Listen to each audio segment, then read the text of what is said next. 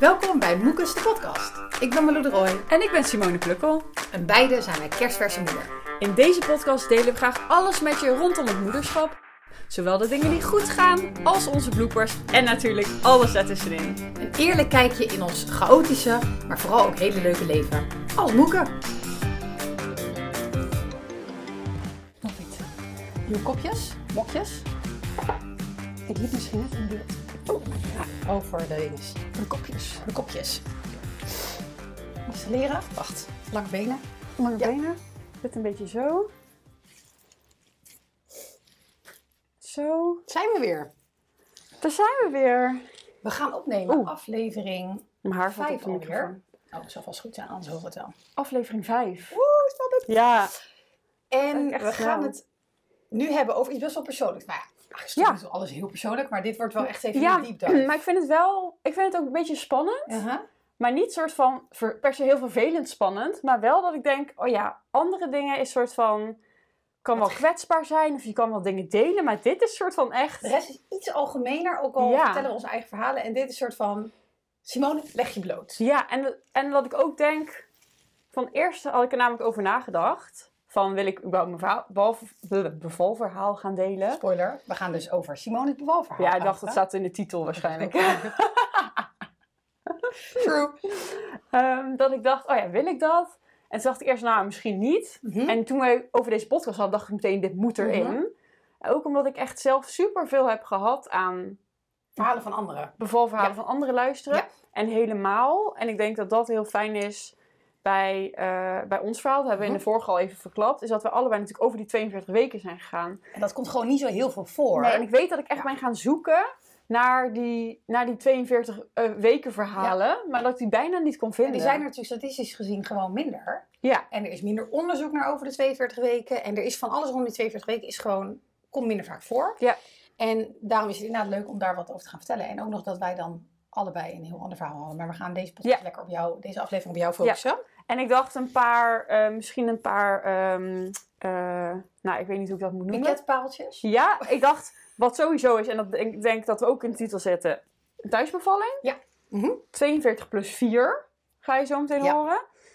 Ik Oftewel, ben, twee, of dat, oftewel Ja, 40, goeie. 18. 40 plus 18. Ja, dus 40 Ja. weken zwanger en nog 18 dagen overtijd, Overtijd. tussen haakjes. Overtijd na 40 weken bestaat niet echt. Nee, want alles tussen 37 en 42 is binnen het normaal. Is binnen het normaal. Dus eigenlijk is het pas over, na 42 weken overtijd. Dus dan ben ik vier dagen overtijd. Eh mijn bevalling is niet helemaal natuurlijk geweest, vind ik, omdat ik ben gestript. Dat vind ik Ja. toch een kleine interventie. Is ook de, de kleinste interventie die er Ja. is. Dus thuis 42 plus 4, strippen. En het heeft in totaal 19 uur geduurd. Ook goed om te weten. Ja. dan beginnen we met die feitjes. En Ja. dan gaan we nu alles zeg maar Precies. daartussenin vertellen. Precies. Dus waar we in de vorige podcast, de vorige aflevering over hebben gepraat, is dat jij, eh, of, of iets daarvoor, I don't know, over die bubbel. Jij ging Ja, na, de, ja. na de 40 weken, dook jij je bubbel in. Vond ik heel moeilijk, want ik dacht, ik spreek Siem elke dag, waar is mijn vriendin? Ehm, maar jij ging al naar binnen keren en Mark was al vrij en jullie waren zeg maar je kokonnetje al klaar aan het maken. Ja. Eh, toen kreeg Mark nog dat ongeluk met de fiets. Nou, ik dacht, dit hebben, we, hebben we dat verteld? Ja, dat heb ik verteld. Zeker. Oh. Ja, dat heb ik verteld. Manbrain, maar hebben we echt gewoon Ja, gehad. man, Oké, ja, want ik dacht, dat is wel belangrijk. toen was een moment dat ik bij jullie even kort spraken, zeg maar. Jij ging Oh, ja. expres Ja. mij niet bellen. Ja, dat heb ik verteld. Ja. Omdat je anders dacht, dan denkt Malou dat, eh, dat eh, de baby er is. Ja. En dan ga je richting, zeg maar, daar zijn we soort van geëindigd. En toen ging je wel richting die 42 weken. ja. Kan je een beetje beginnen van, wat was er gebeurde er rondom die tijd? Ja, dus zeg maar, het was inderdaad, dat vertelde ik inderdaad vorige keer al even, dat we eigenlijk de hele tijd dachten, nou baby, kom maar. Toen brak Mark zijn rug, rugwervel. En toen dachten we, nou, eh, wacht maar even. Eh, maar het, het gekke was dat ik inderdaad richting die 42 weken, was ook wel een soort van, ja, inderdaad een nieuw leveltje. Maar ook dat ik dacht, oh ja, oké, hoe, hoe werkt dit dan weer? Dus Mhm. dat je dan weer allemaal dingen gaat opzoeken van hoe zit het eigenlijk over de 42 pas. weken. Ja, ik had het wel van tevoren al een beetje, maar dat je dan toch weer opnieuw gaat opzoeken. Want eh, ja, hoe zit dat ook alweer? Wat zijn de Mhm. risico's ook alweer? Wil ik nog steeds thuis bevallen? Zodat ik dat toch een beetje ging Ja, want je hoeft uitzoeken. er pas over na te gaan denken eigenlijk, als je daar zo ver bent. Dus dan is, je kan je wel, kan je wel in, tot in een treuren ingelezen van tevoren, maar Precies. het is pas En wat ik heel fijn vond, die kunnen we misschien wel even in de, in de beschrijving zetten. Dat gratis artikel van Vraag de Voetvrouw, Ja. van Voetvrouw Margot. Over 42 weken aan serotiniteit. Ja, over boven de 42 weken gaan. Ehm, dus dat vond ik heel fijn. Ik dacht, hoe gaan we dit onthouden dat we dit gaan doen? Moet ik dit opschrijven? Nee, nee, nee. Dat, ons mombrain, dat lukt dat wel. onthouden lukt wel. Eh, en er kwam een moment dat ik dus op dat ik dacht, en dat was een soort van gekke mentale knik of zo, whatever. Dat ik dacht, komt die baby nog wel? Blijft die forever zitten? nou ja, en, en zeg maar, natuurlijk wist ik rationeel wel, een baby blijft niet zitten, Mhm. bla bla bla. Maar meer gewoon dat je, dat je ehm, mijn verloskundige eh, legt het een beetje uit, en dat vond ik al een mooie verklaring, als over je honger heen zijn. Je kijkt zo lang uit naar het moment Dat je mag Van- eten. van je, ja, en, en dus in dit geval het moment van je kindje komt. En je bent er een beetje overheen dat je denkt, ja, ik, ik voel hem bijna niet meer, zeg maar. Maar Dus niet letterlijk, toch? Nee, niet Nee. letterlijk, maar wel echt dat ik dacht. Dus het is soort van echt een verschil tussen het rationele en het emotionele. Maar het emotioneel dat ik gewoon op een gegeven moment dacht, nou, ik kan al die babyspullen wel weer opruimen. En voordat je dan natuurlijk die gedachte hebt afgemaakt, denk je alweer onzin. ja. Maar hè, dat, dat dat een beetje kwam, zo van, nou, of die, komt die baby nog wel? Mhm. En daar achteraan kwam soms een kleine angstgedachte die ik ook meteen kon rationaliseren. Maar zo van, dadelijk komt hij echt niet meer. Als in, Ja. komt hij wel, maar is er iets aan de hand? Ja, snap Heb ik ja. soort van worst case scenario, een dode baby? Ja. ja, want dat is natuurlijk iedereen's nachtmerrie. En daartussen zit nog heel veel wat er mis Tuurlijk, maar dat je dan toch soms zo, Ja. zo'n mini-stukje denkt, oh nee. Maar goed, ehm, Want we zijn we nu al, zeg maar, je zei, je zei rond- net bij de het- intro, je bent gestript. ja, dat was Wanneer? ehm, eh, bij... Ik heb dus na 41 weken ging ik bij de verloskundige het gesprek aan van wat gaan we doen. Toen hebben we besloten om... eh, dat, zij raden aan om met 42 weken naar het ziekenhuis te gaan voor een extra controle. Bij de verloskundige doe je natuurlijk altijd een kleine controle. Hartslag, bloeddruk van de moeder, dat soort dingen. Maar om een wat grotere controle te doen, een wat langer hartfilmpje te maken van de baby. Om te checken of alles goed is. Mhm. En Dus in toen- plaats van met zo'n doptoon, zo'n ding op je buik, ga je dan aan een monitor. Ja, en dan echt met zo'n CTG, dat ze dat helemaal met zo'n banden om je buik helemaal gaan, eh, gaan meten. Ja. Dus toen zeiden ze van nou, ik was op, op vrijdag was mijn wisseldag. Oftewel op vrijdag was mijn... Toevallig die van mij ook. Ja, dus op vrijdag zou ik 42 weken Ja. zijn. Toen hadden we bedacht dat, eh, volgens mij was ik toen op donderdag, dus 41 plus 6. Zou ik naar de verloskundige gaan voor een check. Toen heb ik gevraagd of ze wilde kijken of ik ontsluiting had. Want ik ging zelf, dat is ook nog wel interessant, ik ging het zelf voelen of ik Mhm. ontsluiting had. Want mijn baarmoedermond of baarmoeder was al een beetje gezakt. Dus Mhm. ik kon daar met moeite, kon ik Mhm. daarbij. Ehm, en ik voelde wel echt dat, dat dat tuutje, zeg maar, van die baarmoeders dat dan beschrijven vaak als een ballontuutje, Ja. weet je wel. En ik voelde dat ik daar soort van een, een, een, een randje in kon voelen. Aha. Maar dat het nog best wel een Wat hard randje dat je dat was. hebt gevoeld. Ik durfde dat niet. Ja, maar ik ging dan echt met, met de verloskundige, met Lisanne, volgens mij was dit, zo vertellen. Nou, ik voel dus dit, kan dat kloppen, Aha, weet je? aha. Dan zei ze, nou, het Want kan zij wel voelen natuurlijk ook die dingen als ze Ja, voelen. Precies, dus toen zei ik van, nou, wil jij dan ook even voelen? Ja. Want ik denk dat ik nog niet genoeg ontsluiting heb om te strippen. Maar ik dacht, als zij dat nu bevestigt, Luister weet ik wat dat is ik... strippen? Goeie. Strippen is dat ze met het liefste twee vingers in je baarmoedermond gaan. Je baarmoeder is eigenlijk zeg maar een rondje en daarin zit dan een tuutje. En dat gaat, zo, als je er recht op zou kijken, Ja. is het, kijk je naar een rondje? met daarin een gaatje. Ja, en als je van de zijkant zou kijken, is het een soort van... Je moet hiervoor even de video aanzetten. Is het een soort van tuutje, een ballontuutje. En dat gaat dan dus open en het gaat eigenlijk verstrijken, dat ballontuutje. Dat Daar gaat een soort nu van weg. hebben. Goed, hè, daarvoor moet je bevalcursussen Ja. doen. Eh, dus eigenlijk willen ze liefst met één of liefst twee vingers in dat tuutje kunnen. Dus in die ontsluiting. En dan willen ze de vliezen waar de baby in zit, willen ze losweken van je baarmoeder. Het gaat een beetje vroeten, zeg Ze gaan een beetje vroeten, een beetje zo draaien. Het klinkt heel leuk, het is fucking Ja, het pijnlijk. is niet zoals vinger of zo. Het ziet er wel zo Ja. uit. maar- Ehm, om dat, om proberen los te weken, om Mhm. gewoon je lichaam een klein hintje te geven. Zo van, hey, Hé, je mag. je mag Je mag doen. ja. Weet je Ja. dat? Oftewel, Lisanne ging dus met 41 En die, mag, in, die kan zeg maar bij de verloskundige, daar hoef je niet voor naar het ziekenhuis. Klopt. De minst invasieve Klopt, interventie. kan bij de verloskundige. Sommige verloskundigen zeggen, ja, ik wil het al wel, vanaf 38 weken wil ik wel kijken.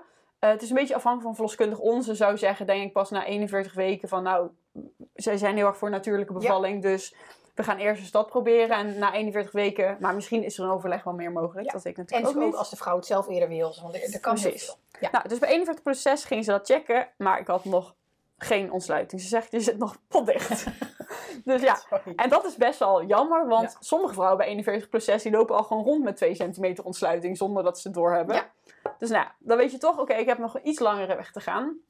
Met 42 weken ging ik toen naar het ziekenhuis voor controle. Eh, dat was zo goed. Ik ga dat niet heel uitgebreid vertellen. Half uur of drie kwartier daar aan, dus aan de meten Mhm. CTG gelegen. Dat was zo goed dat, ehm, dat ze daar zeiden, nou, eh, alle lichten staan nog op groen. Jij bent in supergoeie eh gezondheid, conditie, de baby ook. Eh, van ons mag je zo doorgaan tot 43 weken. En dat had ik echt niet verwacht dat het ziekenhuis dat zou. Dus zeggen. dat is een... Eh, ja. En we raden aan dat je om de dag dan wel weer naar het ziekenhuis komt voor deze controle. En als dat dan om de dag goed is, dan kun je dit zo door blijven gaan. En je bent vanaf nu medisch en je bevalt vanaf nu in het ziekenhuis. En toen zei ik, eens met alles, behalve dat laatste. Want ik wil niet in het ziekenhuis bevallen, nog steeds niet. Ehm, en ik wil gewoon eerste, op de eerste lijn eh, met mijn eigen Want, eh, verloskundige verloskundige de eerste lijn, ziekenhuis is de tweede lijn. Ja. En ik had er natuurlijk van tevoren met onze verloskundige overlegd. En gevraagd of zij er oké mee waren om nog steeds de thuisbevalling met mij te doen. Dat waren ze, mits afhankelijk van de controles. Eh, dus toen na de controles gebeld met de verloskundige. En het ziekenhuis belt dan ook nog naar de verloskundige. En die zeiden van, we durven het nog wel aan. Dus prima. Ja. Nou, top. En dan hoop je toch weer. Want elke dag weet je gewoon, dat is heel raar in die laatste weken. Elke dag dat je verder bent, heb je een grotere kans dat het gaat beginnen. Ja. Dus elke keer denk je, ja, ik kan me nu verwachten dat ik hier over twee dagen weer kom voor controle. Maar misschien, begint het morgen. Ja. Mhm. Nou, was helaas niet zo. Dus 42 plus 2, ik weer naar het ziekenhuis. Zondag. Zondag, Ja. weer controle. Ehm, en toen, de eerste keer dat we in het ziekenhuis waren, hadden we, vond ik niet zo'n fijne eh, verloskundige, verpleegkundige. Was, verpleegkundige was echt super lief, maar daar heb je niet zoveel mee te maken. Die doet alleen Mhm. die band om. Verloskundige was heel leuk, eh, of was, was oké. En de gynaecoloog was ook een beetje dat ik dacht, hmm, ik voelde hem gewoon niet echt dat ik dacht, ik voelde niet echt een Nee. klik. En toen die zondag hadden we echt een superleuke klinisch verloskundige. Een vrouw die eerst eh, ehm, in de praktijk voor zichzelf eerste lijn had gewerkt en nu graag Dus ook de weet- tweede lijn wilde weet doen. van beide kanten, zeg maar. Ja. Rijlen en zeilen. Ja, dus zij zei, wil je dat ik probeer of ik je kan strippen? En toen dacht ik, nou, ja, jij mag dat wel. En dat was dan de tweede strippoging. Dat was de Ja. tweede strippoging. Mhm. Dus dat was op zondag. En echt alleen omdat ik bij die vrouw chill voelde, dacht ik, ja, jij mag het Mhm. wel proberen. Toen zei ze, ja, je hebt echt een krappe 1 centimeter. Maar ik ga proberen of ik er doorheen ga, doorheen kan.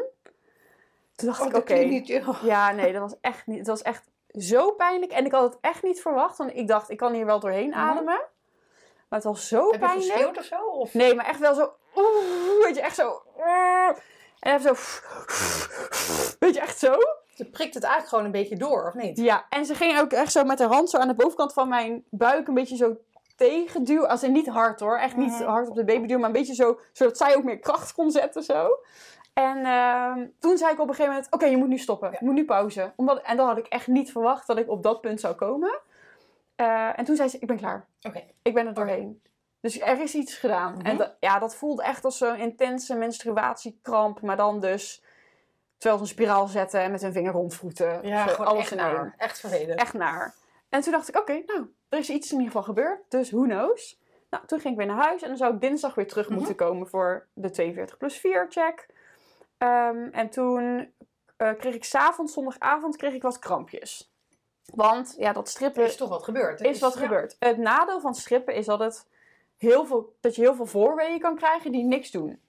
Dus dan denk je het is begonnen, maar Ja. het echt komt niet, eh, kom je niet verder met ontsluiting, zeg maar. Klopt. Dus ik had wel dus een beetje die voorweeën, maar het viel nog mee. Maar wel dat ik op een gegeven moment in de nacht met Marker toch een beetje ging timen. Maar er was echt nog geen pijl op te Mhm. trekken. Het was, weet je wel, dan zat er 10 minuten tussen, dan 8, dan 3, dan 1, Ja, dus dan 5. 0,0 eh, nul regelmaat. Nee. En ook op een gegeven moment viel ik gewoon in slaap. Dus het was ook helemaal niet intens.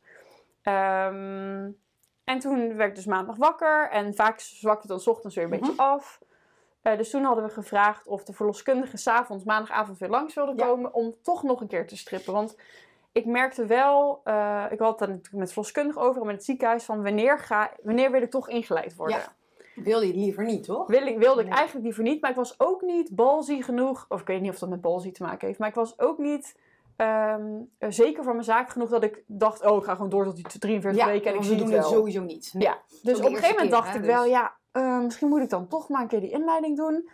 Dus Mark en ik hadden het over gehad en we dachten: nou, als we dan dinsdag naar het ziekenhuis gaan en het is nog niet begonnen, gaan we dan een inleidingsplan maken. Om, en dat, dat we dan woensdag of donderdag kunnen Ja. beginnen met inleiden zodat we rond de 43 weken bevallen. Want die inleiding kan ook weer twee dagen Ja. of drie dagen duren. En zijn weer allemaal verschillende gradaties. in. Ja, dus daar hebben we eigenlijk nog niet eens heel Nee. uitgebreid over gehad. Wel een beetje dat ik ook ging vragen wat zijn de opties. Ehm, maar daar wilde ik eigenlijk ook niet te veel nog mee bezig zijn of zo. Mhm. Nou, dus maandagavond kwam eh, de verloskundige bij ons. Ehm, ging weer kijken om te strippen. En ze zei, volgens mij had ik toen anderhalve centimeter. Dus echt dat ik dacht, jezus. Kom op lijf. Ja, hoe lang gaat dit nog duren? Die baby Melle zat echt veel te chill Mhm. daar. Ehm, nou, ze zei, ik ga toch proberen wat ik kan. Was weer echt mega pijnlijk. Minder pijnlijk als die keer daarvoor. Maar mega pijnlijk. En tijdens het strippen hield Mark zo mijn hand vast. En toen kwam Picnic aan de deur. Oh, nee. Dus Mark naar beneden, naar. Picnic toe. Nou ja, gelukkig had ik heel chill met Lisanne, met verloskundige. Voelde echt heel relaxed of zo. Dus dat was allemaal prima. Maar echt dat je denkt, oh, wat gebeurt er Mhm. allemaal? Ehm, en toen zei Lisanne, eh, nou, ik heb dienst vannacht. Dus Misschien tot straks. bel me maar. Ik ben er voor jullie. En ik kom dan naar jullie toe. Eh who knows? En zij was om, eh, ze was best wel laat, s'avonds, een uurtje of acht, denk ik. En ze zei, ik zou nu meteen gaan slapen, zei ze. Want pak alle uren die... Hoe laat was het? Werd het gestript op maandag? Ja, ik denk dus Oh, acht acht. uur Oh, s'avonds ja. rond die tijd, half negen, zoiets. natuurlijk. En toen zei ze, ga meteen slapen, want pak alles wat je pakken kan, want misschien zet het wel door. En toen dacht ik, nou, goed idee, dus wij in bed. En ik voelde meteen alweer die krampen, weer die voorweeën. Maar wel echt, echt wat intenser. Mhm. En rond een uur of, nou, ik denk twaalf, half één. Had je toen al een beetje geslapen? Ja, had ik al Oké. een, be- denk, een beetje zo gedut. Ja. Ik weet het eigenlijk niet meer echt. Mhm. Zei ik tegen Mark, ik vind het niet meer fijn om te liggen. Dat ik echt dacht, als ik, dat ik ging tijdens het liggen, dat ik dacht, oh, weet je wel, dat ik niet meer zo'n soort van... Ik kon niet meer ontspannen. Nee, en, en je hebt gewoon bepaalde houdingen waarin een wee opvangen fijner Mhm. is dan andere. En het was gewoon best wel intens gelijk.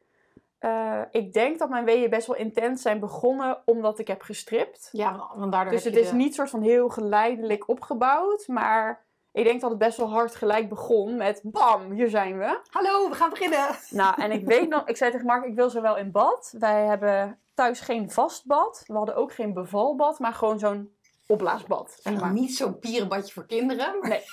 wel Nee, gewoon zo'n groot eh, eh, eh, soort van lichtbad als opblaasbad, maar niet zo'n rond bevalbad. Ehm, en dus ik dacht, nou, dan, ga ik, dan wil ik wel in. En ik weet nog dat ik echt naar de badkamer liep. En dat ik toen al dacht, oh, dit ga ik nooit meer doen. Wat bevallen. Ja, was, dit was nog maar het begin. ja maar die weeën begonnen meteen zo, bam! En ik dacht, dit ga ik nooit meer doen. En ik weet niet, ik weet niet of ik dat precies op dat moment dacht, of misschien Nee, twee uur later. maar Maar, in het begin ja. dat ik echt dacht, nou, dit, ga, dit is echt heftig. Dit ga ik nooit meer doen. Ik schrok echt van de Mhm. intensiteit. Ik schrok echt en ik dacht, holy shit. shit, Ik heb ja. dit, misschien heb ik dit onderschat.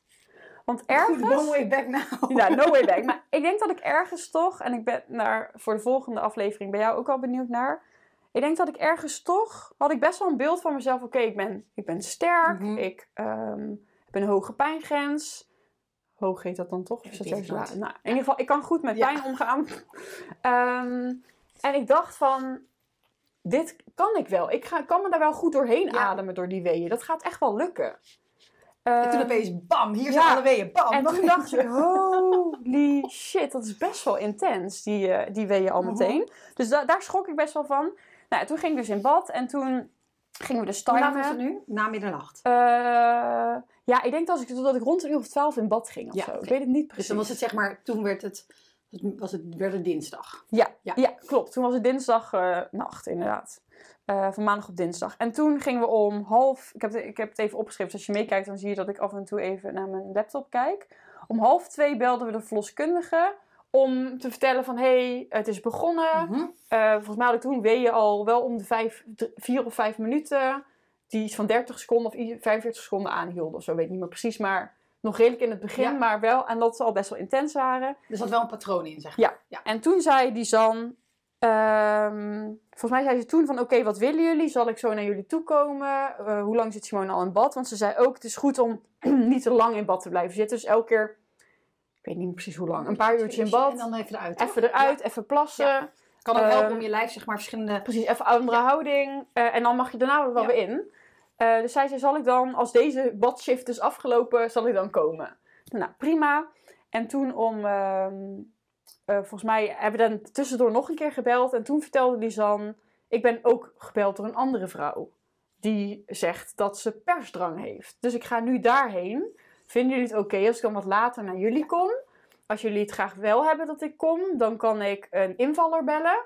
Of die invaller komt naar jullie, of die invaller komt naar mij en ik kom naar jullie. Dus dat Want hoe het een beetje werkt, opties. is dat als zeg maar verloskundige heeft dienst. Ja, En dan zijn er natuurlijk, er zijn altijd verschillende vrouwen die kunnen bevallen. Soms bevat niemand, soms wel. En eh, bij onze verloskundige praktijk was het zo, bij FAM zitten we in Utrecht, datgene die het eerst belt, zeg maar, toch? In een Mhm. dienst, die heeft eigenlijk recht op, die, op de verloskundige van die dienst. klopt. Ja. Ja, dus Lisanne zei, ja, eigenlijk hebben jullie Ja. recht dat ik naar jullie kom, maar geven jullie me aan. Nou, toen zeiden we, prima, we wachten nog wel even. En toen om half vier, toen ben ik in de tussentijd ben ik uit bad gegaan. Mhm. Ben ik naar zolder gegaan, want op zolder had ik een soort van bevalwalhalla gecreëerd. Had- jullie twee persoons bed, heb je heel veel ruimte. Daar Ja. heb je, Klopt, ik had inderdaad twee persoons bed. Ik had daar mijn massagetafel neergezet om gewoon op te hangen Ja. bijvoorbeeld. Ik had zo'n bevalbal, een groot kleed met wel een zeiltje en nog een lichtjes. deken eroverheen, kerstlampjes, nou, allemaal dat soort dingen. Ehm, nu moet ik zeggen dat ik niet heel veel met dingen op dat moment bezig was, maar ik denk wel dat het fijn was dat ik gewoon wist, oh, daar voel ik me op fijn, zeg En maar, daar heb ik het gezellig plek. gemaakt. Je Ja. bent niet op dat moment bezig van, oh, want je moet niet de lichtjes dan op willen Nee. hangen. Daar moet je gewoon Klopt. al over na hebben Ja, klopt. Dus om half vier hebben wij toen gebeld. Eh, heb ik achteraf, eh, ik zei net al voor deze podcast tegen Malou, ik heb zo'n bevalverslag gekregen van, eh, van een verloskundige. Dus daar staat per tijd alles in. Dus ik heb een, heel, een beetje zo op, opgeschreven. Toen om half vier hebben we gebeld van oké, we vinden het toch wel fijn als iemand komt. Want we hadden geen idee. Nee, weet je, doe het voor de eerste keer. Dus het je was de het eerste keer. Die weeën waren best wel intens. Ze kwamen om de drie minuten inmiddels. Oh, Duur, hielden, Ja. eh, hielden een minuut aan. Ehm, en wij zeiden, ja, dadelijk zijn we te laat of zo. Weet je wel, Weet weet ik veel. Hoe weet je dit? Ja. Hoe weet je hoe ver je nog, waar je bent? Hoe ver je nog moet? We hadden geen idee. Eh, dus toen zei, eh zei Lisanne van... ehm, dat zij dus een eh, vervanging zou bellen... die dan even bij ons naar langskomen om te kijken hoe Ja. en wat. Ehm, en Lisanne had in het verslag geze- gezet van... ehm, eh, Simone, ik hoor Simone op de achtergrond nog praten, want Mark belde elke keer. En eh, zij horen dan, als jij nog zo erg bij zinnen bent, Dan ben je nog niet, zeg maar, niet aan het einde. ben je nog niet Nee. aan het einde. Maar ik dacht, ja, maar jij weet niet, ik ben gewoon nog zo, omdat het gewoon goed kan opvangen, dacht ik, weet je wel. Jij hebt geen idee. nou, ze hebben wel een idee. Ik ga trouwens niet luier hebben. Maar ja, goed hè. Poep, babypoep hoort erbij. Ehm, nou ja, dus toen om eh, half vijf vroegen we van, oké, kan er iemand komen? En toen om half zes ging ik weer in bad Mhm. rond die tijd, of vijf uur. En toen kwam Elke. En Elke was dus eh, vervangend verloskundige.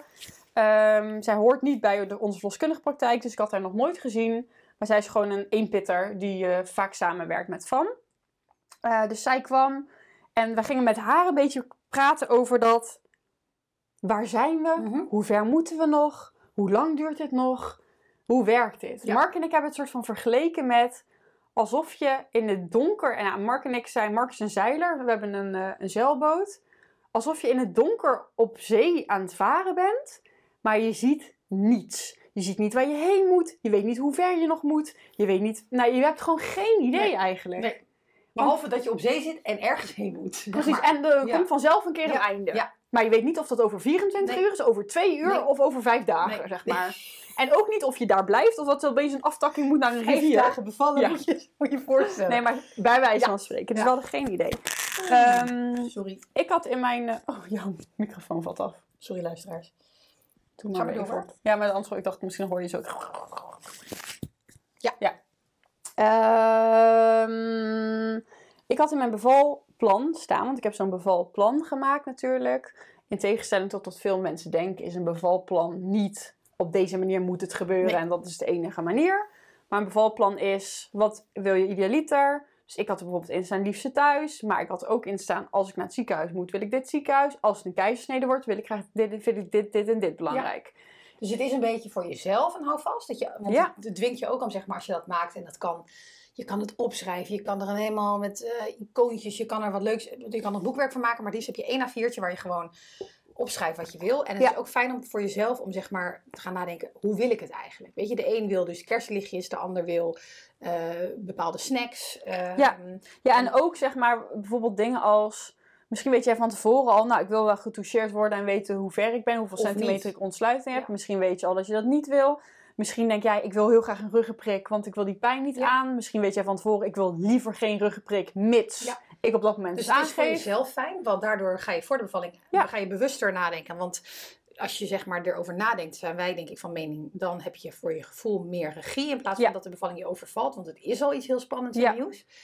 En het is ook fijn voor de behandelaars. Zowel, je, zowel als je eerste lijns of tweede lijns bevalt. Ja, want ik had er bijvoorbeeld in staan dat ik het fijn vond dat ze houdingen gingen voorstellen. Maar sommigen hebben er ook in staan, ik wil dat je niks zegt Nee, en helemaal mij in mijn gang laat doen. Terwijl ik dacht, nou fijn als jij denkt, oeh, misschien moet je even dit proberen. En dan zeg je in dat moment wel Ja. nee. Of Hey, ja. Maar Elke eh, was er en Ja. jullie zeiden van help, waar dobberen we al Ja. mee? Ja, ik zei dit, oh, ik, ik ging naar het bevalverhaal omdat ik had opgeschreven dat ik niet getoucheerd wilde Mhm. worden. Dus Elke zei, nou oké, ik eh, ga wel even kijken hoe het met je gaat. Als in letterlijk kijken, niet voelen, kijken. En eh, zij zei, ik ga even luisteren naar het hartje. Dus ik dacht ook, ik moet even in bad een beetje zo bewegen dat ze er goed bij kan. Ze zei, nee, nee, nee, jij blijft gewoon je ding doen. Ik ga wel in bochten wringen Ja. om met die doptoon onder water dat hartje te zoeken. Nou, dat ging gelukkig allemaal goed. Ehm, zij zei, wij vroegen een beetje, oké, waar zijn we? Ik had gehoopt dat ik rond 5, 6 centimeter zou zitten. Zij zei, eh, ik had natuurlijk gezegd, ik wil niet de centimeters Ja. weten. Ze zei, ik zei, "Moet- wil je dan per se toucheren of niet? Ze zei, nee hoor, ik zie gewoon aan jou hoe het met jou gaat. Eh, ze zei, eh, ik zal niet dan te veel zeggen, maar ze zegt, ik denk wel dat je nog in de eerste 5 centimeter zit. En toen dacht ik, oké, prima. Ja. Want ik dacht, dat kan ook 4 zijn, Ja, weet precies. je wel. Hoe- Ja, Zij had- ook. Ja. Elk had achteraf opgeschreven 2 of 3 centimeter. Dat Goed dat je dat niet wist. Oh, ik ben echt heel blij dat ik dat niet wist. Ehm, en ik weet nog dat ik tegen Elke zei, ja, af en toe moet ik echt wel een wee opvangen door geluid te maken. Dat ik een heel klein beetje zo ging. Een heel klein beetje. En zij zei, ja, je gaat nog wel meer geluid maken. Zij zei, dacht ik, nou, je, je, je weet Mark niet. dacht meteen Je aan de buren. Ehm, en ik weet nog dat ik ergens tijdens mijn bevalling dacht, en ik weet niet meer precies welk moment dat was, maar dat ik ergens dacht. Ik heb me ook op sommige momenten best wel een beetje alleen gevoeld. Mhm. Omdat ik ben natuurlijk helemaal high on hormones. En helemaal wakker door Ja. de hormonen. Of, of tussen een wee door ging ik een microslaapje doen, lag ik zo in bad en dan ging ik Mhm. gewoon zo. Oh, er komt weer een wee. Grappig hoor, dat. Dat Maar- gaat gewoon automatisch. Op een gegeven moment weet ik nog dat ik zo keek. En ik weet niet meer welk moment het was, of dat hier was of, of vijf uur later. Maar dat ik zo keek, dat Mark zo aan het dutten was. Dat Elke zo een beetje aan het dutten was. En dat ik dacht, ja, Hallo. hallo. Wat denken jullie wel niet? Weet je, een beetje slapen hier. Ik ben hier aan het strijden, jullie gaan Ja. Ja, en dat was ook zo, want hierna zei Elke, joh, ga nog maar even op bed liggen. Een beetje rusten. Mhm. Want mijn weeën namen soms ook weer een beetje af. Dan werd het weer wat rustiger. Zei, ga even op bed liggen, misschien kun je nog een beetje slapen. En eh, ik dacht, ja, dat vind ik helemaal niet fijn. Maar prima, we hadden mezelf helemaal zo ingebouwd met kussens. En Mark dacht natuurlijk chill, dus Mark meteen eh, snurken. En toen weet ik ook nog dat ik dacht, ja, hallo, ik ben hier aan het strijden en jij ligt te slapen, weet je. Maar ja, voor een man is dat natuurlijk veel Ja, anders, En veel die raken het kussen aan en die zijn weg, zeg maar. Veel vermoeiender. Dus ik heb drie kwartier ongeveer in bed gelegen. En toen om acht uur zei ik, ik moet er echt weer uit. En toen... Acht uur 's ochtends om Acht uur ochtends, ja. En toen zei Elke ook, had Elke opgeschreven in het verslag dat ik blijkbaar toen ook heb gezegd dat ik het meer in mijn rug begon te Mhm. voelen, de weeën. Ehm, Elke had nog gevraagd of ze tussendoor zo van, zal ik nog even naar huis gaan? Dus dat is ook nooit een goed teken. Dat je denkt, kut, ik ben er echt nog lang niet. Maar ik, ik wilde dat ook niet. Nee. Ik wilde dat ze er zou blijven, omdat het gewoon heel fijn voelde dat er gewoon iemand was die gewoon hoog over mee kon Ja. kijken. Mhm. Ehm, toen ging ik weer naar zolder. Ging ik weer op de bal hangen, volgens mij een beetje. Of ik ging op de bal zitten. En gewoon een beetje met die bal dingen doen. Of dat ik zat en dat ik leunde op Mark. Of Zo'n bal is sowieso chill om te hebben in huis. Kom heel veel mee. Ja. Ik heb ook s'nachts nog zo voorover op die bal gehangen. En dan zo net zo met mijn buiten zo dan Mhm. tegenaan rollen. Het is fijn voor de bevalling, maar ook voor de voor en daarna. Ja. En zeg maar, ja, ik vond het nog heel steeds. fijn. Ja. Dus rond 9 uur had ik eh, om de, echt weer nog steeds, of weer opnieuw, om de drie minuten weeën. En ook krachtigere weeën. En elk had opgeschreven dat ik ze heel goed kon opvangen. Dus dat Mhm. ik echt heel goed er doorheen kon ademen. Ehm, en toen ging ik op de bal zitten en dan zo leunen op de massagetafel. En dat was bij fijn. En ik had Ja. rugweeën, dus ik vroeg dan of Mark keihard in mijn rug wilde duwen op plekken waar je helemaal niet kan duwen. Maar daar moest hij keihard duwen. Dus dat was ook heel fijn. Eh, en toen zei Mark op een gegeven moment, mag ik even naar de wc? En ik dacht, ja, eigenlijk niet. Maar ja, kan je ook niet zeggen dat je niet naar de wc mag. Dus ga maar. Zei elke keer, dan neem ik het wel over. Is toch, Toch anders. Ja, je wilt toch liever je eigen partner. Los van inderdaad, je liever... Is Mark natuurlijk ook een man. En Elke was zo'n lief klein vrouwtje. Dus Mark die is zo'n grote beer die zo keihard op kon drukken. En Elke deed echt haar best. Maar we voelden het toch Mhm. anders. En die kon haar armen ook, of haar handen helemaal niet zo om mijn heupen heen en zo. Maar goed, was wel super fijn. En op een gegeven moment zei ik... En dat was echt mooi dat ik zo mijn intuïtie kon volgen. Op een gegeven moment zei ik gewoon, oh, ik moet even staan. Mhm. Geen idee Nee, waarom. maar ik zei gewoon, ik moet even staan. Dus ik ging zo staan, een beetje zo aan de zijkant van die massagetafel. Een beetje af en toe voorover hangen. En tijdens een wee een beetje zo, een beetje zo door mijn knie. Een beetje Mhm. half squatten, zeg maar. En ik doe dat en ik sta denk ik twee minuten en bam, mijn vliezen breken. Was het een- zo'n filmding? Ja, Want dat had... Oh, Ja. Arnoud is jaloers. ja Die ik wilde dat. Het le- leek me ook heel vet. Eh, ik had dus inmiddels geen onderbroek meer aan Nee. ook. Want ik ging natuurlijk in en uit bad. Ja. Ik deed, had toen wel nog, ik dacht ook doe even een shirt aan. Vond ik ja, gewoon niet lekker zitten. Ja. Eh, toen had ik even een shirt, Maar het ik was wel echt nog aan. Echt zo'n waterval. Ja, echt zo paf. Zo flats. Zo op de grond zo plats. En toen, oké, heel veel sound effects heb ik gemaakt nu. En dat was Iedereen zo. ziet het voor Nou, en Mark was net weer naar boven komen lopen. En dat gebeurt midden in een wee. Dus ik kon ook nog niet echt praten, want ik was die wee aan het opvangen. Maar niemand zei wat. En ik dacht, kut. Zit poep in terugwater. Zit poep in het terugwater. Dus ik zo, is het helder? Zei ik zo in die wee, weet je wel. En eh, zij zo, ja, ja. Oh ja, ik dacht even checken of het niet geplas is. Ze dachten, misschien was je gewoon aan het plassen, weet je wel. Grote klas. Maar het was helemaal helder. Mhm. Gewoon water, echt Ja, water. fijn. Super fijn. Dus dat was echt voor mijn gevoel ook, ik denk, een soort van barrière die ik overging. Waardoor ik dacht, Hij zit nog helemaal lekker. Nu- hij zit, nu, goed. is al, nu staan Ja. weer alle lichten op groen om gewoon thuis te blijven. Dus dat was echt mega fijn. En ik heb het ook achteraf met, met, met jou en met vriendinnen over gehad van... ehm het deed natuurlijk heel veel pijn. Ja. En dat je dan... Heel veel mensen denken dan toch na over wil je, wil je pijnbestrijding. Mhm. En ik denk, omdat ik gewoon niet in mijn hoofd had dat ik überhaupt naar het ziekenhuis wilde, was het letterlijk geen optie Nee, in mijn hoofd. nee. Ik denk, zodra het een optie was geweest, Ga je deurtje openhouden en ga je... had ik, het, Ja. had ik de deur genomen. Maar nu was het, ik had gewoon maar één deur en dat was thuis bevallen. Gewoon er doorheen gaan. Dus- maar ik had niet eens, in mijn hoofd kwam niet eens op van, hé, hey, ik zou ook. is toch top? En ik had ook wel in mijn bevalplan geschreven dat ik niet wilde dat mensen het gingen voorstellen. Nee, want dan opent het eigenlijk de deur. Ja. Nou ja, dus eh, half elf ochtends Mhm. waren mijn vliezen gebroken. En toen werden de weeën natuurlijk nog pittiger. En ik moet ook zeggen dat vanaf dat moment weet ik niet meer zo heel Mhm. veel. Toen ging ik dus echt meer in die bubbel. Ja. Ik weet nog ongeveer de tijdlijn, omdat natuurlijk die is opgeschreven. Eh, en we er achteraf over hebben gehad. Maar ik weet niet meer zo heel veel wat er nou precies allemaal tussen die tijd is Dat gebeurd. is toch dat welbekende roesje waar je dan een beetje Ja. in gaat, hè? Want, Ja. ja. Dus blijkbaar ben ik weer, als in ik weet dat ik daarna weer een keer in bad ben gegaan. Dus blijkbaar was het ongeveer rond 12, ben ik weer in bad gegaan. Eh, en ben ik weer lekker in bad weeën op gaan vangen. En ik wilde, dat is ook wel grappig, want je weet natuurlijk niet hoe je als vrouw gaat reageren Nee. op je partner. Nee. Ehm, ik wilde dat Mark mij aanraakte. Dus zeg maar, hij moest twee handen. Eén hand was te weinig, weet je. Dus hij, ma- maakt niet uit wat hij deed. Hij had natuurlijk rug gebroken. Dus hij zat een beetje zo met zo'n brace om zo op de wc naast dat bad. Uh, maar hij moest gewoon mij aanraken Mhm. met twee handen. En soms viel hij dus zo half in slaap. En dan zeg je zo... Weet je wel, zo van... Wil je actief hand, maar ik kon dat niet meer uitspreken, want wee. Ehm, dus ik weet nog dat we toen om, om rond half twee... ehm, zag ik achteraf dus... eh, dat Mark en ik weer zo'n moment hadden van... Ja, hoe lang gaat dit nog Ja. duren? Waar staan we? Waar zijn we? En ik weet ook dat de weeën toen op een gegeven moment zo krachtig werden... Dat elke zei misschien weer een andere houding in bad Mhm. proberen. Of even uit bad. Maar ik dacht alleen maar nee, ik wil niet uit bad. Ik kan, Ik kan hoe moet ik gaan Ja. opstaan? Mhm. ik dacht, hoe ga ik dat doen? Die weeën volgden zo snel ook. Soms zat er echt maar 30 seconden tussen. Fucking zwaar. Ehm, en soms duren er... ze nog steeds ongeveer een minuutje. Dat denk ik. Ja, Ja, werd natuurlijk niet meer echt bijgehouden. Misschien dat Elke soms bij hield, Ja. maar geen idee. Eh, maar echt dat ik dacht... Oh ja, en Elke was er dus natuurlijk nog steeds. Op een gegeven moment is gecheckt van... Willen jullie, willen jullie nog dat zand komt? Toen dachten wij, nee, we waren al zo Gewend. gewend aan Ja. Elke dat we dachten, nee, oh, prima. En die zal zo wel nog komen als ze klaar zou zijn bij die vorige bevalling. Zij was toen weggebeld met een vrouw die zei, ik heb persdrang. Was helemaal niet zo. Die vrouw dacht, oké, ik heb een is persdrang. Was niet zo. Ehm, en toen op een gegeven moment rond half twee vroegen we dus, waar staan we? En toen eh, merkte ik ook dat ik echt dacht, hoe ga ik dit, hoe ga ik dit nog doen? Dit is echt fucking pijnlijk. Ik kap ermee. Joe. En dat ik op een gegeven moment ook die weeën amper nog kon opvangen. En toen zei Elke tegen Mark, en dat hoorde ik dus dan zo vaag op de Mhm. achtergrond. Zei Elke tegen Mark, ik heb het idee dat ik soms hoor aan de stem van Simone, want ik ving mijn weeën op met geluid. Dat ze hoorde aan mijn stem dat ik persdrang begon te krijgen. Dat ik zo net Mhm. tegen dat randje aanging. Dus waar ik eerst een wee meer opving, zo van... Oeh, Mhm. ging ik nu een beetje naar... uh, uh, weet je, zo'n persgeluidje bij. uh, dat er zo'n persgeluidje in kwam, blijkbaar. Eh, En dat hoorde Elke, topvrouw.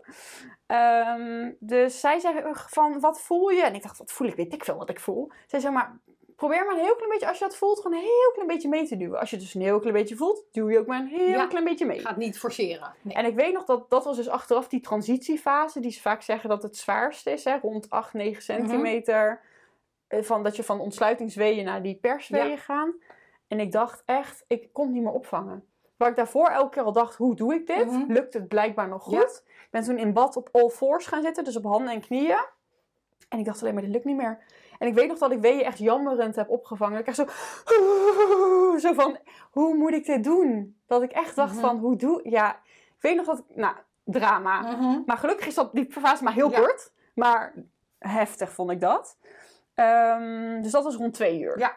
En Twee toen uur om, middags. Twee uur 's Ja. middags. En toen om half drie zei Elke, want ik had in mijn bevalplan gezet, dat het me fijn leek om op een baarkruk te bevallen. Dat was gewoon elke keer als ik dacht aan bevallen, het is eigenlijk een kruk met een gat erin, toch? een soort van wc. Ja. Wc-bril, maar dan als krukje. Want ze zeggen, wc, dan ontspan je eigenlijk... Als je op de wc gaat zitten, ontspan je automatisch al die spieren Klopt. daar. Jouw En lijf heeft kan- natuurlijk geleerd, als Ja. ik op een wc zit, kan ik alles daar ontspannen. Dus mag dat alles kan eruit. gewoon de bevalling zeg maar bevorderen.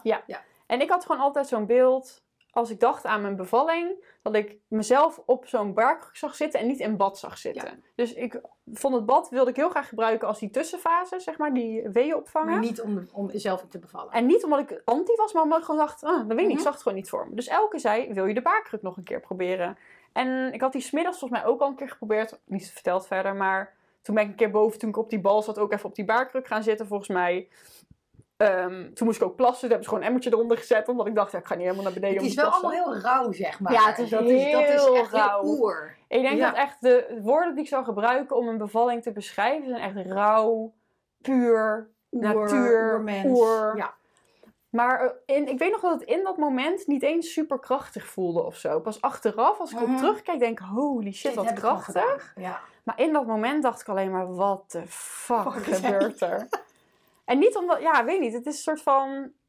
Het was absoluut geen horrorervaring, maar meer gewoon dat ik wel, dat ik wel wist dat ik dacht van... Wow, dit is echt wel iets intenser dan ik Ja. had verwacht. Terwijl je hoort ook verhalen van vrouwen die zeggen, nou ja, pas Prima. prima. Ja. Vijf minuten later, ik zou het nog een keer doen. Nou, ja, dus om half drie ging ik even die... Zei Elke, wil je nog op de baarkruk? En toen dacht ik, oké, dacht ik ten eerste chill, want blijkbaar gaan we naar de pers Ja. eh, toe. Eh, en ik dacht, ja, hoe moet ik dan uit bad komen? Die baarkruk staat op zolder. Ga ik dan helemaal naar zolder lopen om daar achter te komen dat ik weer naar beneden wil? Toen zei Elke, nou, halen we even alles naar beneden. Mhm. Dus baarkruk naar beneden en zo'n stoel naar beneden waar dan Mark op kon zitten, die dan, waar ik op kan hangen, zeg maar. Dus wij dat in de, op de overloop proberen eh, boven. En ik dacht, oh, dat zit echt best wel lekker. En toen zei ik, ja, dat zit echt wel fijn. En toen was zo van, oké, nou, dan kan je blijven zitten. En ik dacht, Nee, ik, ik wil ik wil niet op de overloop vallen. niet ik weet nog- romantische plek van ja, en ik weet nog dat ik dat niet per se dacht, omdat ik dacht, ik vind deze plek niet romantisch genoeg of mooi genoeg. Maar meer gewoon omdat ik dacht, weet niet, dit voelt niet fijn. Nee. Ik wil gewoon Nee, naar je die voelt, fijne plek. je voelt heel duidelijk wat je wel niet fijn vindt op zo'n Ja. moment. Want het was natuurlijk ook inmiddels alweer lang Ja. licht. Dus ik had ook eh, op een gegeven moment tegen Mark, weet ik nog dat ik 's ochtends in dat bad zat. Dat ik tegen Mark zei, wil je de ramen afplakken met een vuilniszak, weet je eh, wel. nog even lekker gezellig donker Ja. Eh, dus toen zijn we de spullen weer naar boven gaan verplaatsen. Ik erachteraan. Maar ik weet nog dat ik dacht, hoe ga ik naar zolder komen Mhm. tussen die heftige weeën door? En elke zei gewoon, ja, als een wee klaar is, moet je gewoon gaan lopen. Rennen. Maar ik dacht alleen maar, ja, die weeën die volgden elkaar gewoon op. Ik zat zo, eh, volgens mij niet officieel in een weeënstorm, maar zo voelde het soms wel. Ik dacht, voor je leven niet dat ik dacht, nou ja, ik weet niet, soms zit er voor mijn gevoel echt geen minuut Mhm. tussen of zo hoor. Dan komt gewoon, voelt de volgende alweer Ja, een weer beetje opkomen. opkomen. En in het begin van de dag kon ik dan echt prima even staan die Ja. wee opvangen. Nou, dat kon, kon ik echt niet meer. Dus ik dacht, oké, hoe ga ik dit doen? Dus ik zei, oké, nu! Dus ik zo snel naar boven. Ik zo, en toen was ik op zolder. Ik zo, zet dat ding neer, zet dat ding neer. Dus ik weer zo snel zitten. Waarschijnlijk zei ik dat niet in zoveel woorden, maar nee, voor maar mijn gevoel. Het was heel duidelijk dat je daar Ja. wilde zitten. Eh, nou ja, dus eh, half, dat was half drie. Toen ging ik weer dus naar zolder. En toen om drie uur kwam de kraamzorg Mhm. aan. Eh, wat ook zo'n gek moment is, want opeens is blijkbaar heeft iemand onze voordeur open Want bij gedaan. bevalling is altijd verloskundige, een bevalling thuis is Ja. altijd verloskundige en dan komt de kraamzorg op het laatst ook. Eigenlijk een soort van extra handjes. Ja, dus de kraamzorg komt om zich te focussen en uiteindelijk ook op, op jou en de baby. Ja. Nou, een van de twee. Om in ieder geval te helpen Ja. inderdaad met de bevalling. En dus opeens kwam Ninja, zo heet onze lieve kraamzorg, de trap oplopen. Dacht ik ook, nou, ik vertel het nu heel enthousiast. Waarschijnlijk dacht ik in dat moment vrij weinig. Maar wow, wow, je bent er Mhm. opeens, weet je wel. En ik weet nog, en dat was wel de, door mijn hele bevalling, ik had heel veel bevestiging nodig.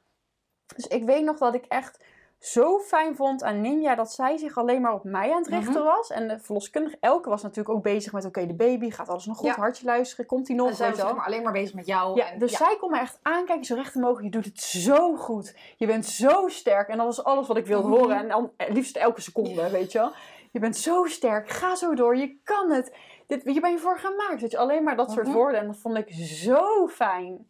En ik weet nog dat ik dat tussendoor ook een keer aan Mark en Elke vroeg van... Je moet me aanmoedigen. En dan niet aanmoedigen van... Hup, hup, Hup, go, go. Maar gewoon zeggen dat ik Ja. fantastisch ben. Dat ik het heel goed doe. Ja. Want ik werd gewoon een beetje soms dat ik dacht... Ja, maar hoe- doe ik het wel Mhm. goed, weet je wel? Ehm, dus dat was heel fijn aan dat de kraamzorg er was. En toen kwam om ehm, half vier begon ik met persen. Dus toen blijkbaar Elke ging zo half onder die baarkruk zo liggen. Dan zie ik al iets. En die zei, ja, ik zie in de diepte zie ik het hoofdje. En volgens mij mocht ik toen ook maar in een spiegeltje Mhm. kijken. Zag je zo de haartjes aankomen. Want Mel had heel veel haar. Eh, en ik kon al een beetje zo gaan voelen. Ehm, ja, en toen begon dus de persfase. En aan de ene kant deed dat fucking veel pijn. Maar aan de andere kant was het ook best wel chill. Je weet dat het doel, of wat dat uitkomst van een baby is. Ja, en ik kon iets doen met de pijn. Ik hoefde Ja. het niet meer op te vangen, maar ik kon het soort van omzetten in kracht, zeg ja. maar. Ehm, ik weet wel dat mijn geluidsniveau toen nog een tandje harder ging. en dat waarschijnlijk de halve buurt mee heeft genoten. Ik heb echt geschreeuwd tijdens de weeën. Ik, heb ook nog, van- ik was midden in de zomer, was ik trouwens. Dus ik zat in zo'n, op zo'n warme zolder. Ik allemaal van die koude lappen tegen me aangeduwd. En aan de onderkant van die warme dingen er tegenaan Om, om uitscheuren te voorkomen. om uitscheren te voorkomen. Ehm, ja, en iedereen was natuurlijk zo hard zijn best aan het doen. Op een gegeven moment dacht ik, ja, moet ik niet een nieuwe koude lap? Maar goed, dat boeide allemaal niet meer. En ik zat al, inmiddels had ik had mijn shirt al uitgedaan. Dat had ik volgens mij na dat laatste bad niet eens meer aangedaan. Ik zat daar lekker naakt, Mark achter me opvangen. En ik weet nog dat Mark ook echt op een gegeven moment een paar keer gewoon bijna moest huilen. Omdat hij het zo heftig vond om te zien hoeveel pijn ik had. Mhm. Ik weet nog dat ik toen ook zei, tijdens die persfase... Schat, weet je, zo van... Het is oké, nu kan ik iets doen Ja, met de pijn, ja. weet je. Dat ik dacht, ook moet ook hem... Dat ik bezig was dus met Ja. hem geruststellen. Ook bizar eigenlijk. Mhm. Niet zijn schuld overigens, gewoon mijn eigen, mijn eigen ding. Ehm, om... ehm, dus om half vier was ik begonnen. Om kwart voor vier ehm, was zeg maar het hoofdje helemaal gezakt. Dus dat hoofdje zat helemaal bij mijn vagina, Ja. zeg maar. Mhm. Dus, en en dat, dat je echt al een stuk zag. Dus je zag denk ik, nou, een, wat is het diameter van eh 6 centimeter Mhm. of zo. Zoiets zag je. bolletje haar. Ja, hing er gewoon Ja, uit. Niet Ja, letterlijk, maar dat, dat was daar gewoon. Ehm, en toen achteraf zag ik in het, eh, in het ehm, verslag staan dat ze toen zagen dat mijn huid een heel klein beetje begon te scheuren. Maar wat interessant was, en nu komen alle details, dus check uit als je dit allemaal niet wil Mhm. horen, dat, mijn, dat het scheuren bij mijn anus was. En niet bij mijn vagina. Dus Mhm. dat was wa- waardoor zij... normaal gaat het van vagina naar anus. Ja. Ja. Normaal scheur je uit in je perineum vanaf je vagina. En je perineum is het gebied tussen je vagina en je dat anus. stukje. Ja. Eh, maar blijkbaar zagen ze bij mij een soort van driehoekje, scheurtje, bij mijn anus. Daar hebben ze natuurlijk niks mee gezegd of gedaan. Maar blijkbaar achteraf dachten zij daardoor wel... Oh, interessant. Mhm. Moeten we even Ja. checken straks, weet je wel zo. Ehm, grappig ook dat zij dat dan zo chill en rustig en natuurlijk kunnen bespreken. Eh of Niemand in kunnen denken in dat, Ja. in, op dat moment. En vanaf dat moment stond dus dat hoofdje daar om kwart voor vier. Eh, en toen merkten we dat ehm, de progressie stopte eigenlijk. Namen je weeën af of niet? Ja, ik, ja. Ja. ik weet niet meer precies wanneer. Mhm. Ik denk niet al om kwart voor vier, maar misschien om vier uur of zo. Mhm. I don't know. Ehm, maar ja, zeg maar waar ze daarvoor elke keer tijdens een wee zeiden... Oh ja, ja, ja, hij komt. En dan dat hij natuurlijk iets terugzakte. Dus vaak zeggen ze bij een wee, het baby komt er iets uit. Of als in, Ja. zakt iets en dan gaat er iets omhoog. en dan zakt er ja, weer iets. En dan zakt hij bij elke wee wat meer. Ja. Eh, dat gebeurde niet meer. Dus op een gegeven moment merkte ik dat zij zeiden: Ja, ja, ja, hij is weer wat, ge- weet je wel, weer wat gezakt. En dat dus waarschijnlijk de weeën afnamen, waardoor ik bewuster werd van de situatie. Mhm. Want daarvoor zat ik natuurlijk helemaal in bubbel. die roes. Ja. Ehm, waardoor ik iets bewuster werd van de situatie. En op een gegeven moment dacht van, maar gebeurt er nog wel iets? En dat ze toen zeiden, ja, ja, weer een paar millimeter. En dat Mark ook zei achteraf, er gebeurde echt niets. Er zat gewoon geen beweging meer in dat hoofdje. Dat hoofdje zat gewoon daar vast. En achteraf bleek ze ook echt dat hij vast zat op dat moment. Bij, bij, bij het persen, bij een wee, hij bewoog niet eens meer een beetje. Nee, zat gewoon, er gebeurde niks. Er gebeurde Dus niets. ben je voor niks aan het hebben. Ja, nou en toen, ik dacht dus dat daardoor de weeën afnamen, maar ook in gesprekken daarna over gehad, waarschijnlijk namen de weeën af, waardoor ik wat helderder Ja. werd. Ehm, dat was een beetje een gek moment. Eh, wat fijn was, is dat er niks met Melle, met de baby aan de hand was. Dus elke drie minuten of zo werd zijn hartslag Mhm. gecheckt, ook tijdens de weeën. Was perfect. Hij is volgens mij één keer heeft hij een, volgens mij niet eens een dipje, maar een mini piekje gehad Mhm. of zo, maar er was niets aan de hand. Hij, weet je, alsof hij het gewoon super chill had. Ja. Gewoon normale hartslag binnen de range elke Hij dacht, keer. mam, alles goed? Ja, alles goed. Dus dat was heel fijn. Ja. Maar op een gegeven moment ging wij wel denken, Mark en ik, van oké, maar, maar wat nu? Weet je, gaat dit wel Mhm. goed? Dus op een gegeven moment weet ik dat ik heb gevraagd hardop ehm, van gaat het nog wel goed of komt dit wel goed of zoiets. Dus Ja. toch een beetje die angst die heel klein beetje naar boven kwam omdat ik ja, uit dat weeënhoesje Ja. was eigenlijk. Ehm, en voor mijn gevoel bleef het toen net iets te lang stil. Dus Elke, de verloskundige, was waarschijnlijk zo druk bezig zelf ook Mhm. met... oké, wat kunnen we nog doen? Wat zijn de opties? Gewoon nadenken, ja. En eh, ja, kraamzorg weet natuurlijk ook niet precies hoe en wat. Ehm, en toen was het iets te lang stil. Waarschijnlijk echt één seconde, hè? Whatever. En toen zei ze, ja, het komt goed. Het komt goed. En toen dacht ik... Ja, ik heb nu niet meer genoeg aan die woorden. Nee, aan die woorden heb je genoeg in de pers, in de weefase heb je genoeg aan Ja. die woorden. Ja. Hé, hey, dit gaat supergoed, Ja. komt goed. Maar als dat hoofdje dan zo staat en je denkt, er gebeurt niks, Nee. heb je meer nodig dan komt, komt goed. goed. Dus bij mij is gewoon, en daarom vertelde ik het in het begin, bij mij is gewoon een split second is die angst gekomen van, komt die baby nog wel? Als in, de dode baby, komt, krijg ik dadelijk een dode baby? Terwijl, met de baby was niks aan de Ja, hand. nee, maar dat, je, je gaat allemaal... maar echt ja, je een hebt split second. Ehm, ik had natuurlijk gewoon ook gelukkig niet zoveel mental space om na te denken. Eh, Mark heeft dat veel meer gehad. En ik wil niet helemaal zijn verhaal gaan vertellen. Maar hij heeft veel meer gedacht, wat nu kunnen we nog naar het ziekenhuis? Ja. Daar gaat het helemaal angst mis. gehad, zeg maar. Ja, die heeft iets meer gehad van, eh ga, komt wel goed met Simone ook, weet je wel. Dus hij was ook zorgen aan maken om Mhm. mij. En niet alleen om de Ja, baby. je had er helemaal geen ruimte voor. Nee, maar ik dacht ook, ja, maar dit komt wel. Maar Ja. hoe? Weet je, en Mark dacht meer, komt het nog wel? We kunnen niet meer naar het ziekenhuis, dacht Mark. Terwijl, dat was echt nog wel een optie. Maar wij hadden dus nodig gehad dat de verloskundige had gezegd... Oké, we staan nu hier, dit zijn de opties. Weet je wel, wat gaan Mhm. we doen? Nou, dus op een gegeven moment, ik zat natuurlijk nog steeds op die baarkruk... heb ik nog alle houdingen geprobeerd, weet je wel. Dus ik ben, en dat vond ik echt heel kut, want ik wilde helemaal niet meer Die van houding wisselen. lekker. Ja. Ja, en ik had gewoon pijn en dingen. Ehm, weet je wel, al fors geprobeerd, asymmetrische houdingen, zodat hij misschien los zou komen met, weet je, één been omhoog. Of Helemaal acrobaten dingen. zo. allemaal dingen geprobeerd, maar el en elke keer één of twee weeën gewacht, maar er Oh. gebeurde helemaal niks. Dus op een gegeven moment zei, ehm, dus dat was kwart over vier, hebben we alle houdingen geprobeerd. Ehm, op een gegeven moment is ongeveer rond half vijf, dus toen was het al eh, een mm, drie kwartier ongeveer dat het hoofdje Mhm. zo vast zat. Maar goed, met de baby ging alles goed, dus je hebt Prima. geen haast Nee, eigenlijk. nee. Eh, op een gegeven moment zei Elke, en zij wilde natuurlijk eigenlijk, eh, ze is echt een super natuurlijke verloskundige, die wil eigenlijk niet, geen interventie doen. Ik was ook nog steeds niet getoucheerd, dus ik ben gaan persen op Op, op dat je voelde dat je persdrang ja, had. en wat Elke zei, volgens mij heb je Ja. persdrang, dus Mhm. go for it. Ehm, zij zei op een gegeven moment, mag ik je gaan aanraken? Dan ga ik toch een beetje proberen je perineum mee te rekken. Hoe raar het ook klinkt. Maar ze zei ook, en dat is achteraf ook de conclusie, ehm, dat mijn perineum gewoon zo strak stond, dat het gewoon niet verder mee, kwam. meeveerde, zeg maar. niet meeveerde. En dat zij heet het aan het wachten waren, wanneer gaat het scheuren? Scheur maar. Ja, Want dat is het beste wat je dat kan is hebben. meest natuurlijker dan een knip is dat. Ja, want, ja. scheur maar, maar het scheurde gewoon niet. Dus dat was gewoon heel erg gek. En waarschijnlijk was Elke ook... eh, zij had blijkbaar hiervoor ehm, ook een bevalling gehad die, die... Ik weet niet wat er is gebeurd, maar er is iets niet helemaal goed gegaan. Waardoor zij ook achteraf zei dat zij ook een beetje, heel klein beetje in die angst was geschoten. Voelde je waarschijnlijk dus Ja, dus waarschijnlijk waren er van de vier mensen in de ruimte drie even in angst geschoten. Waardoor gewoon ja, ook niet meer ideaal was voor mijn weeën om lekker door te blijven gaan. Eh, dus nou, zij probeerde om half vijf wat dingetjes. En toen zei ze, ja, ik ben toch aan het overwegen om een knip te gaan zetten. Eigenlijk wat je niet wilde. Had je Wat niet in valplan nee, staan. Dus ik had Nee. in mijn valplan staan, weet je wel, knip alleen bij fetale nood. Ja. Nou, eigenlijk waren we daar nog niet, Nee. hè, want Melle had geen nood. Maar ik was er op een gegeven moment ook wel Jij klaar was mee. Dat ik zei, nou, liever niet, maar prima. Ja. En dat Mark ook echt zo super lief in mijn oor nog vroeg van... Maar weet je het zeker? Je Ja. wilde toch geen knip? Ja, Super fijn. je bevalplan bewaken. En dat ik alleen maar dacht, prima, doe maar. Dus Elke begon met dat voorbereiden. Volgens mij moest ze die spullen nog halen, want die had ze niet eens als in boven. Die ze lagen in Mhm. de auto. Dus die ging die spullen snel halen. En ik weet nog dat ik dacht, en dat heb ik ook opgeschreven. Toen die weeën afnamen, ehm, weet ik nog dat ik dat ook heel eng en spannend vond. Dat die weeën afnamen, dat ik dacht, oh, Omdat maar je zat er al zo lang in en dat is soort van het, de weg naar de naar baby. het eind, Ja, zeg maar. ja. Dat ik dacht, ja, maar nu nemen die weeën af. En dat ik dat... En het lijkt nu alsof je dat helemaal heel bewust kan nadenken. Nee, maar zo bewust niet. gaat Nee. dat helemaal niet. Maar ik weet nog dat ik toen... Waarschijnlijk heb ik iets gedacht van... Oh nee, het neemt af. Dit mag ik niet laten blijken. Dus dat is echt een patroontje van Ja, mij. Van ik moet het allemaal ja. zelf oplossen.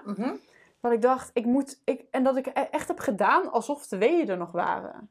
Ik ben gewoon gaan doen alsof we met elk mini... Weet je, als je oh, normaal een wee dit is... Ik, Ja. ik, ik schud nu met mijn loede knie. dat als ik dan dit voelde, zo, Ging jij zeg maar, dat ik dacht, oh ja, weet je.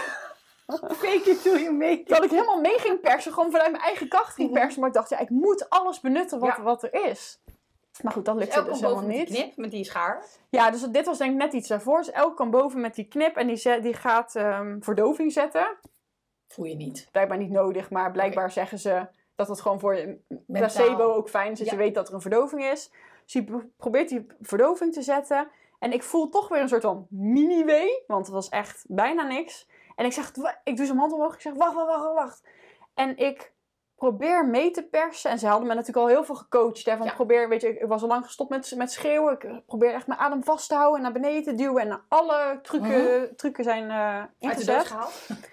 En ik, ik lig daar zo en ik, of ik zit daar op die kruk en ik probeer toch nog iets. En op een gegeven moment denk ik van, klikt er iets in mijn lijf of mijn, in mijn lijf dat ik denk, oh misschien als ik meer mijn bekken kantel en probeer zelf nog meer mijn, mijn baarmoeder of mijn vagina aan te spannen alsof je een tampon eruit Ja. wil duwen. Dacht misschien, weet niet, opeens deed ik zoiets en nou letterlijk in één week kwam dat de hele baby eruit. Niet hoofd eerst, nee. Nee. Eh, Van, van, van zo, Ja, van dat het hoofdje stond. vast zat, was er nog steeds hetzelfde, was niet vers- veranderd. In één keer, om kwart voor vijf, kwam in één keer zo bam, Hallo Welle. baby eruit. Nou, en dat was echt bizar in één week. Terwijl, en de knip was dus nog niet gezet. Mhm. Dus alleen de verdoving. En net voordat Elke die knip wilde zetten, zei ik, wacht, wacht, wacht, wacht. Dus toch moest Alsof ik... je lijf eigenlijk dacht, Ja. ik wilde geen interventies. Ik ga het zonder knip doen.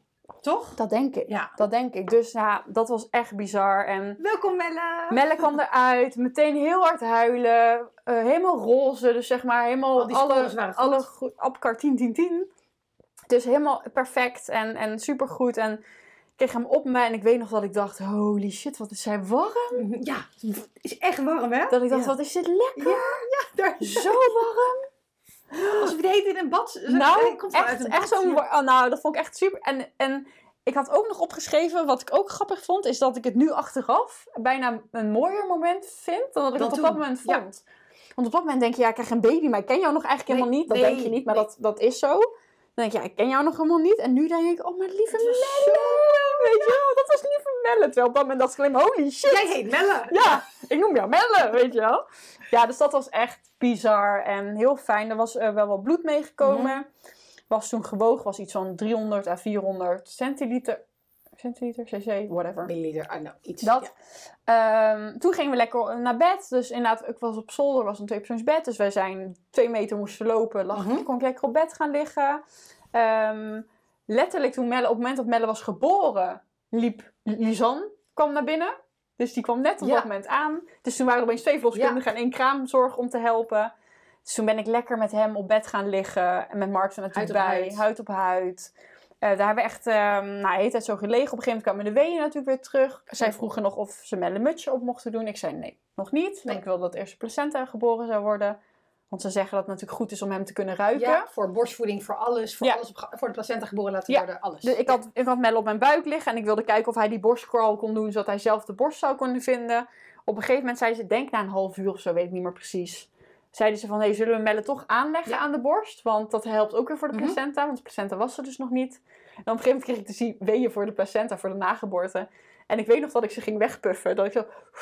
En elke keer zo, ben je nou die weeën aan het dat wegpuffen? niet meer. Nee, als in, ik was ook een beetje, ik had, ik had geen zin meer om te persen. Nee. Ik was klaar met dat Ja. persen. En zeiden ze, nee, dat gaan we niet doen. We gaan wel mee persen. En ik dacht, ik dacht alleen maar, ik kan niet meer, ik weet niet meer hoe het moet. Dus wat heb je die bevalling gehad? Moet daarna die fucking placenta Ja, ik dacht, ik weet niet meer hoe het moet. Ik snap het niet meer. Ik- en ik, volgens mij zei ik dat ook. Ik, ik, weet, ik weet het niet meer. Mhm. En toen eh, zei Elke, oké, blaas maar op je vuist. Toen zei ik, dacht ik, oh, dat kan ik wel. dan- dan- En dat is een soort ja, van persen. Dus nou, zij mee die placenta. Dus dat, dat, dat ging allemaal helemaal goed. Placenta eh, eh, helemaal heel geboren. Zat nog steeds vast met de navelstreens. Ik had halve lotusbevalling. Placenta was uiteindelijk na drie kwartier dus geboren. Dus Mark doorgeknipt? half zes. Ja, maar pas na twee uur. Oké. Dus we hebben lekker twee uur Mhm. op bed gelegen. Met de placenta was er echt nog een golf bloed meegekomen. Dat hebben ze toen gewogen. En in totaal had ik toen meer dan een liter bloed verloren. Dat heet fluxus, hè? Dat heet fluxus. Dat is niet chill, want dat is een medische Ja. indicatie voor de volgende keer. Toen zeiden ze, we schrijven wel op dat het 950 is. Dan hoef je volgende keer niet per definitie in ja, te dan heb je de volgende keer geen medische indicatie. Dus dat was chill, want het was echt net... du- 1100 of zo. Mhm. Net iets boven de 1000 of, of 1050. Ehm, nou ja, en wat, wat nog, alleen nog interessant is om te vertellen, dus dat is mijn bevalverhaal. Maar wat er denk ik wel echt nog bij hoort, is natuurlijk de placenta-geboorte, halve logische bevalling. Is dat we toen gingen checken, hoe is het met, eh, eh, met gewoon het Jouw perineum, ja. met alles daar beneden, moeten we Mhm. nog wat hechten? En dat ze toen dus begonnen over dat scheurtje wat Ja. ze hadden gezien. En dat ze toen zeiden, eh, ja shit Simone, we twijfelen toch. We denken misschien dat er een klein scheurtje in je kringspier zit. En dat moet in het ziekenhuis gehecht worden. Ja, want als dat verkeerd gerecht wordt, zeg maar, of niet goed gedaan, heb je forever je hele leven last van. Ja. Ja. En ik weet nog dat ik toen dacht, prima. Ja, natuurlijk was het niet mijn ideale Ja. situatie. Maar ik dacht, prima, dan Mhm. gaan we lekker naar het ziekenhuis. Dat, dan is Dus je het ging zo. zeg maar zes uur 's ochtends naar het ziekenhuis of zo? Oh nee, of zeg, sorry, zeg, nee, s'avonds. Ja, dus dat was s'avonds. Dus het was zeg maar... eh, inderdaad, het idee was dat ik daar volgens mij rond een uur of acht in het ziekenhuis Ja. zou zijn. Hadden gebeld. En nou ja, toen dacht ik, oké, dan, ga ik, dan ga ik zitten om me aan te kleden. En toen ging het nog heel even mis tussen haakjes. Niet, niet extreem, maar ik werd opeens super duizelig van het bloed dat ik had verloren. Ja. En toen ik, toen ik lag, was dat helemaal niet van, eh, ter sprake. En was mijn hartslag ook nog goed, maar die hartslag schoot omhoog. Mijn bloeddruk schoot omlaag. Dus zeg maar, dat ging, dat ging niet goed. Ehm, toen ben ik zelf nog de zoldertrap af kunnen strompelen op mijn billen. Wat ook pijnlijk is, want alles daar beneden doet pijn. En toen hebben we toch de ambulance gebeld. Maar puur omdat ik liggend vervoerd moest worden. Ja. Ik kon gewoon niet Niet zitten zitten. of staan. Ben jij met de ambulance gegaan, Mark achteraan? Mark met de auto en Melle erachteraan. Eerste Ja. autoritje. Ja, met een baby die echt drie uur oud is. Ja, ze ben ik met de ambulance naar het ziekenhuis gegaan. Uiteindelijk is daar gehecht. Volledige narcose? Eh, volledige narcose. Ja. Ehm ja, was wel pittig, want ze gingen natuurlijk nog vier mensen moesten checken of het wel wat was. Want ik had een, gewoon een hele complexe scheur, omdat ehm, mijn perineum dus niet was gescheurd. Mijn huid is dus Maar niet gescheurd, maar mijn maar. spier is helemaal doorgescheurd naar mijn anus. En wat dus fijn is om te weten voor de luisteraars en voor de kijkers, dat dit klinkt allemaal heel heftig. En Ja. dat is het ook. Ja. Maar je voelt het op het moment van de bevalling niet. Het is Niet. dat je denkt, ah, scheur. Zo Nee. van, dat, dat is allemaal onderdeel van die pijn. En Ja. dat is denk ik mooi dat moeder natuur een soort van... Ja, je kan je afvragen waarom je scheurt. Dat betekent eigenlijk dat we dus... Niet iedereen scheurt, maar heel veel vrouwen wel. Dat Ja. eigenlijk de, de, zeg maar, Niet baarmoeder niet, niet op maat is. Dat we eigenlijk te klein zijn. Ja, niet optimaal. En ja, kijk, het kan ook net zijn, Melle had ook uiteindelijk een bult op zijn hoofd. En die zat niet in het midden, maar aan de zijkant. Dus hij lag een beetje scheef. Dus hij lag natuurlijk heel klein beetje scheef met zijn hoofd. Daarom zat dus hij misschien vast. dat kan ook Ja. zijn dat hij daardoor vast zat. Dus ja, je weet het nooit Maar precies. Moet je dan gaan bevallen en ben je daar het bangst voor? Ik moet zeggen, ik was daar het bangst voor, voor uitscheuren. Dat voel je gewoon niet. Daarna hoor je dat je uitgescheurd bent, dan voel je het ook niet. Nee, je Eh, voelt alleen wat ik vervelend vond. Dus je voelt alles naar beneden is gewoon heel gevoelig en super opgezwollen. Helemaal als je op een baarkruk bent gevallen na anderhalf uur pers, blauw eh, persfase. Ja. ja, helemaal opgezwollen en beurs. En ja, je voelt gewoon alsof iemand soort van aan een korstje heet te krabben en een open wond eh, lekker zit te poeren. Dus ja, je denkt, oké, ja, dat voelt Het is heel niet chill, maar het doet niet... Als ik moest wel even Lisanne of Mark hun hand, hun hand Ja. vasthouden om even dat ik denk, oh fijn om even iemand in de hand te knijpen. Maar Maar, je voelt die scheur, zeg maar, gelukkig Nee. niet. Want de bevalling zelf, een baby eruit persen, is veel intenser. Dat, dat ook Nee, dat, nee, dat voel je helemaal niet. Nee. En ook, ik bedoel, ik was dus ach- achteraf zat er dus een mini scheurtje in mijn kringspier. Dus als je een totaalruptuur hebt, is dat helemaal door. Ja, dan kan je letterlijk eigenlijk met een vinger van vagina naar Ja. anus. Ja, en dan is ook echt de kringspier helemaal Ja. door. Ehm, en ik had een subtotaalruptuur, wat betekende dat in mijn geval was dat, dat er echt een mini scheurtje, in ieder geval, ja, ik kan, eh, volgens mij zeggen ze alles onder de 50% eh was een scheurtje. Mhm. Dus ja, dat, dat was het achteraf, maar ja, dat heb ik helemaal niet gemerkt. Nee. En nee, ik kon daarna, net na de bevalling, kon ik mijn scheetjes niet ophouden. Nee, nee, maar zit, dat Maar kan bijna- dat kan bijna niemand. want Je darmen worden helemaal plat gedrukt dat kan bijna niemand na de bevalling, want je, je hebt gewoon je hele bekkenbodem kun je Ja. niet meer aanspannen even. Dat duurt weer Je even. bent echt even connectie daar met die Ja. area kwijt. Terwijl je daar eigenlijk tijdens bevalling heel erg mee Ja. bezig bent. Ja, dus ja, het, ja, ik- echt. Ik weet nog dat ik in dat je moment. leeft nog, je, bent, je kan nog. lopen. Ja, oh, ik kan alles weer. Maar Ehm, het herstel gaan we... Op het herstel gaan we. en, ja, de kraamweek, want dat komt natuurlijk hierna, want dan begint het. ja, dus daar gaan we het hierna over hebben. dat is naar, jouw naar jouw bevalverhaal. Maar wat ik nog eh, als laatste denk wilde zeggen, is dat ik gewoon weet dat ik net na die bevalling echt alleen maar dacht. En dan gaan we het ook nog de volgende keer, want dat hoort ook een beetje bij de kraamtijd. Dat ik alleen maar dacht. Wow, wat is er gebeurd? Ik had Mhm. er gewoon geen woorden voor. Nee. Ik dacht alleen maar, wow, wat intens. En Intens, ja. dat was het, intens. En dan is het opeens ja. voorbij ook. En dan denk je, holy En dat shit. is een mooi bruggetje, want ik zou mijn bevalling en helemaal dat ook als intens bestempelen. Dus Gaan we zo, gaan, gaan we zo over we babbelen. In aflevering 6. in aflevering 6. Ja. Oeh, dankjewel voor het delen. Ja, Leuk. Bizar. Ja. Om zo helemaal te delen. En het gaat ook altijd zo Ja. snel. En misschien is het ook wel leuk om als we het, eh, als jullie dit bekijken, of dat we, weet je, dat we ook misschien nog een buitenfoto. Iedereen ziet ons nu zo van dat we een beetje, misschien een foto online plaatsen, hoe zagen wij er zwanger uit. dat Oh ja. mensen even een idee krijgen van, oh, dit waren Simone helemaal niet zwanger. Het natuurlijk alweer helemaal zo super strak Onze erbij. super platte buiken. Maar misschien wel leuk. Dan heb je een beetje het beeld van, oké, Leuk. daar zat mijn leven. Leuk, leuk, leuk, leuk, leuk. Tot de volgende. Tot volgende keer. Doei.